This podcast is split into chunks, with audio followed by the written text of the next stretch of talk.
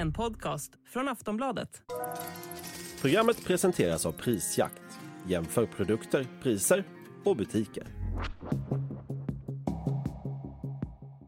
Kokain breder ut sig mer och mer i landet.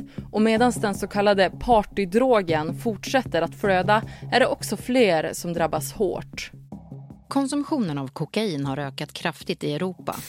Dessutom växer den här marknaden och polis och tull gör rekordbeslag på rekordbeslag. Och sammantaget så rör sig detta om, om beslag av kokain som så vitt jag känner till i alla fall helt saknar motstycke i svensk kriminalhistoria. Ja, kokain är den mest förekommande illegala drogen i Europa efter cannabis. Och det har också blivit vanligare här i Sverige. Till exempel så har Tullverket beslagtagit mer kokain under den första halvan av det här året än under hela förra året. De negativa effekterna av införseln blir också allt tydligare. Det är en drivande del av de kriminella nätverkens inkomster och dolda affärer. Och antalet patienter som fått skador av drogen har skjutit i höjden.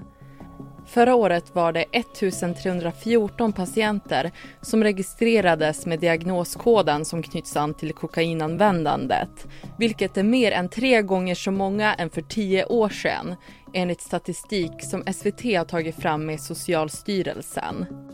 Och det är bland annat förgiftningar, beroenden och psykoser som kan vara konsekvenserna av kokainintag. Så vad beror utvecklingen på? Vilka mer allvarliga skador kan uppstå på grund av kokainet? Och vad behövs för att stoppa användningen? Det är några av de frågor som vi kommer att ta upp i dagens Aftonbladet Daily. Mitt namn är Ellen Lundström. Och jag har med mig Joar Guterstam, beroendeläkare och forskare vid Karolinska institutet. Joar, vad tänker du om den här utvecklingen och hur har du märkt av det? Jag tycker nog som beroendeläkare att jag sett mer och mer av kokainproblem hos, hos mina patienter. Eh, om jag jämför med hur det var när jag började för 15 år sedan så var ju kokainberoende och relaterade problem var en ovanlig sak. Liksom. Det var sällan man såg det. Men nu är det mer en del av, av vardagen så att säga. Det är en drog bland andra i, i Sverige. Så, så, var det inte förut helt enkelt. Så det är väl en ganska, ganska tydlig utveckling tycker jag, där jag jobbar i alla fall. Vad ligger bakom den här ökningen? Det är en jättebra fråga och, och man kan fråga generellt vad, vad, vad, vad är det som driver förändringar i, i drogvanor och sådär och, och mycket liksom olika sociala, kulturella faktorer. Ja, olika generationer har olika droger, vad som är populärt eh, och, och också vad som är tillgängligt då i, i, i det land man befinner sig. Så jag tror det kan vara massa olika faktorer som har bidragit till att kokain har tagit sig in, liksom fått en nisch i den svenska drogmarknaden på ett annat sätt än för ett antal år sedan. Eh, där ju liksom amfetamin som är delvis lite liknande drog då har liksom dominerat väldigt mycket förut. Men nu, nu har kokain liksom eh, fått en del av den nischen med så att säga, uppåt, uppiggande droger och så. Där kokain är med också. Och med att det är fler som tar kokain så har det också blivit fler diagnoser som orsakas av den här illegala drogen. Vad är de vanligaste skadorna som kommer från kokainanvändandet? Ja, det kan vara lite olika typer av skador då, och beroende på var man sitter i vården så ser man kanske olika saker. För kokain kan ju till exempel ge skador i näsan om man tar det via näsan till exempel. Eh, och då kan man kanske träffa en öron näs halsläkare. Man kan också få hjärtproblem och träffa, träffa hjärtläkare eller akutläkare på grund av det. Och jag som då är då psykiater och beroendeläkare träffar ju många med, med kokainberoende och eh, också psykiska besvär kopplat till kokainanvändning. Det kan vara till exempel panikångest av olika slag eller, eller också psykotiska symptom som är liksom ännu mer allvarliga som paranoia och sånt där, där man ibland kan behöva verkligen akut psykiatrisk hjälp. Då. Och så det är några av de grejer som kan, kan uppkomma på grund av kokainanvändning. Kan du beskriva hur de här psykoserna kan vara? Ja, psykos utlöst av, av, kokain eller för den delen amfetamin som då är ganska, ganska likartat och fortfarande lite vanligare här. Då, då. Ja, så det typiska är eh, att man, man varit vaken väldigt länge. Med, med sådana uppiggande droger kan, kan ju vissa personer vara vakna i flera dygn och bara fortsätta ta drogen mer och mer och mer. Och då kan det bli en liksom stegrande misstänksamhet och irritabilitet. Att man blir eh, väldigt svårt att komma till ro. Och tilltagande paranoia då, så att man kanske misstänker att folk är ute efter en eller vill en illa. Och det där kan gå väldigt överstyr och, och, och bli på, på, ett farligt sätt då, att man, man, verkligen behöver hjälp för att komma till ro då. Och vad vi i vården gör då är att erbjuda lugnande medel framförallt så att man liksom får en rejäl natts sömn och då brukar, brukar det värsta ha klingat av redan efter det. Då. Men det kan ju potentiellt vara ett farligt tillstånd då, där man är farlig för sig själv och andra i värsta fall. Vad, vad skulle du säga är den största risken med att ta kokain? Ja, eh, jag tänker att det finns flera olika typer av risker. Eh, de här olika medicinska eller eh, psykiatriska komplikationerna jag nämnde finns ju. Men sen får man inte eh, glömma riskerna som finns i att det här är mm, kriminaliserat att använda kokain. Och det finns ganska rejält förhöjda risker för att inblandas i våldsamheter eller annan kriminalitet eller få skulder till personer man inte vill ha skuld till och så vidare. Så, så det, jag tänker kanske att den här sociala eh, vålds och olycksrisken är kanske den mest överhängande egentligen för, för någon som så att säga bara testar kokain någon gång. Då. Men vid ett återkommande bruk så, så tänk, eh, tycker jag att de här psykiatriska problemen är ganska eh, illavarslande och det är ganska många som hamnar i ett beroende eh, av, av någon som provar kokain, framförallt någon som använder återkommande. Hur stor chans skulle du säga att det är att man fastnar om man bara provar en gång? Ja, eh, alltså om man provar en gång och aldrig mer så, så kommer man inte fastna naturligtvis. Men, men eh, i stora studier där man, man gjort i USA framförallt så, så har man sett att av, av de som testar kokain så är det kanske omkring 20 procent som sedermera utvecklar ett, ett beroende av kokain. Då. Ehm, så, så, eh, det finns en risk där och det finns vissa riskfaktorer om man till exempel har, har andra beroendeproblem eller har beroendeproblem i, i sin nära familj och så vidare så har man eh, kanske ökat sårbarhet för det här. Då. Ehm, men sen kan det också vara olika saker som social utsatthet, eh, om man varit utsatt för trauma till exempel så, så är det en tydlig riskfaktor för beroendeutveckling. Ja, men också sånt som liksom, ja, ensamhet, fattigdom och andra psykiska problem som, som kan göra att man, man har lättare att ta till, ta till en drog för att eh, självmedicinera om man ska kalla det det. Eh, så, och 20 procent då ska jag säga då, det är en relativt hög siffra, det är betydligt högre än för till exempel can, eh, cannabis eller alkohol eller så. Ja, men samtidigt får man ju liksom sätta i perspektiv, man 80 blir då inte beroende av kokain då, av de som testar. Så det är framförallt vid upprepat bruk då som det här verkligen blir en risk.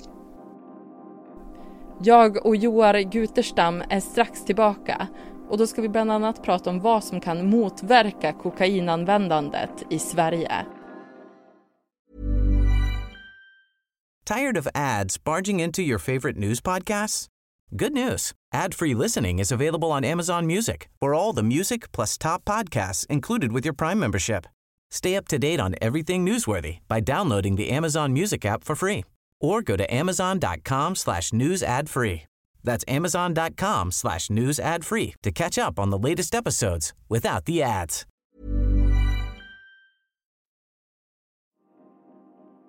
Joar, vi pratar ju om att kokainanvändandet har ökat i Sverige. Men vilka är det som lockas mest till det? Mm, det finns inte jättebra undersökningar av exakt vilka kokainbrukarna är. Eftersom det är ett kriminaliserat beteende så finns det inget liksom, register över exakt vilka är de här personerna eller så. De kanske inte vill, vill skylta med det heller. Eh, men generellt sett så är det ju framförallt unga människor som använder och experimenterar med droger.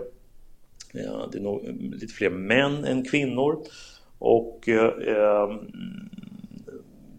finns liksom i alla eh, samhällsklasser ska man väl säga också. Ja, lite grann av en fördom i att kokain skulle vara en, en, liksom en rikemansdrog väldigt mycket men eh, så är det inte riktigt längre, i alla fall inte min bild eh, utan eh, det, det, förekommer överallt i samhället och bland de som verkligen får problem så är det snarare överrepresenterat med personer som har det svårt på andra sätt socialt och, och, och och kanske andra psykiatriska problem också. Och antalet patienter med diagnoskoden F14 som står för flera tillstånd orsakade av just kokain har ökat markant enligt Socialstyrelsens siffror som har tagits fram till SVT.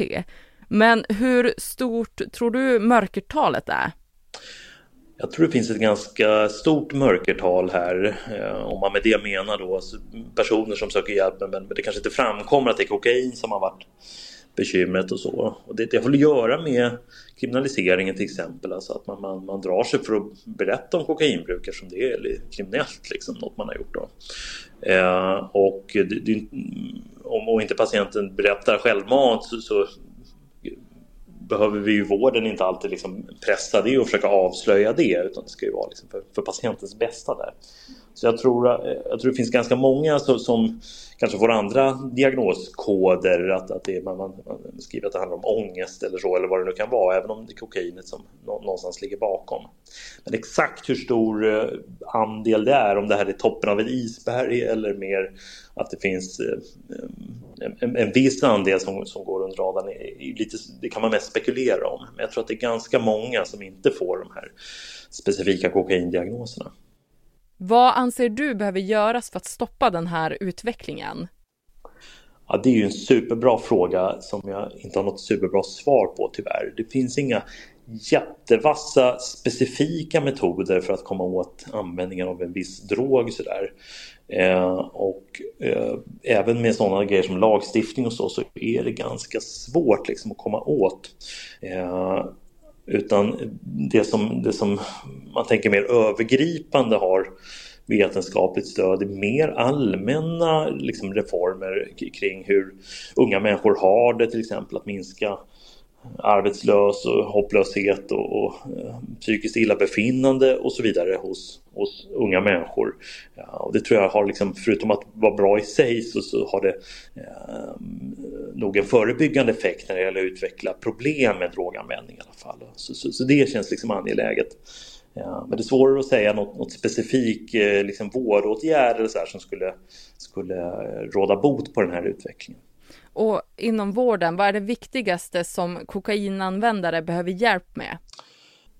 det viktigaste som, som kokainanvändare behöver hjälp med, det, det, kan vara väldigt individuellt. Liksom. Så jag tänker att det är viktigt att vården kan möta de här personerna utefter de behov de, de själva ser. Liksom, och att man kan, kan bemöta det här liksom, fördomsfritt och kunna prata om, om droganvändning som en, en faktor liksom, som påverkar ens hälsa både fysiskt och psykiskt väldigt starkt. Liksom. Och, och eh, kanske att liksom, lite ökad medvetenhet om det här, både liksom hos allmänhet och brukare men, men också bland, bland oss i vården eh, vore liksom bra för att, för att, så att man får ögonen på det här, att det här är inget jätteovanligt längre utan det här förekommer överallt i samhället. Och vi pratar ju om det här nu. Vad skulle du säga är viktigt för lyssnarna att veta kring den här problematiken? Jag, jag, jag, tror det är viktigt att, att känna till att kokain inte är något ovanligt i Sverige längre och att det kan ge både beroendeutveckling men också både fysiska och psykiska skador. Även om de flesta naturligtvis inte får sådana skador. Det är ju viktigt att, att liksom, eh, inte sticka under stol med det. Men, men eh, för en del som har en, en, en särskild sårbarhet framförallt så, så kan kokain vara en livsfarlig drog. Och det är bra att känna till det i alla fall så att man liksom kan göra någorlunda informerade val om hur man beter sig eller vilka råd man ger till andra. så. Så det, det tycker jag kan vara bra att ha koll på. Och framöver, tror du att eh, kokainanvändandet kommer att fortsätta att öka? Ja, jag, jag misstänker att det kommer vara en, en, en viss fortsatt ökning av kokainet. Då. Det, det, det finns inget som tyder på, på, på något annat egentligen utan det, det verkar vara en, liksom en generationsfråga lite grann och att, att, att, jag tror kokain kommer öka successivt under de kommande åren. Så får vi se hur länge det håller i sig innan, innan det vänder. Det säger Joar Guterstam, beroendeläkare och forskare vid Karolinska institutet. Jag heter Ellen Lundström och det var allt för Aftonbladet Daily den här gången. Vi hörs snart igen.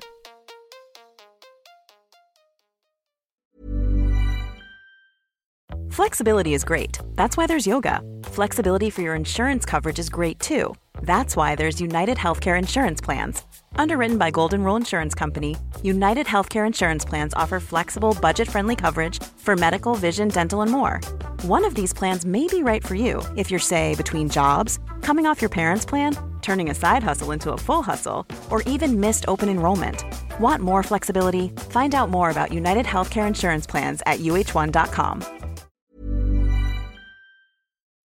Du har lyssnat på en podcast från Aftonbladet. Ansvarig utgivare är Lena K Samuelsson. Tired of ads barging into your favorite news podcasts? Good news. Ad-free listening is available on Amazon Music for all the music plus top podcasts included with your Prime membership. Stay up to date on everything newsworthy by downloading the Amazon Music app for free or go to amazon.com slash news ad free. That's amazon.com slash news ad free to catch up on the latest episodes without the ads.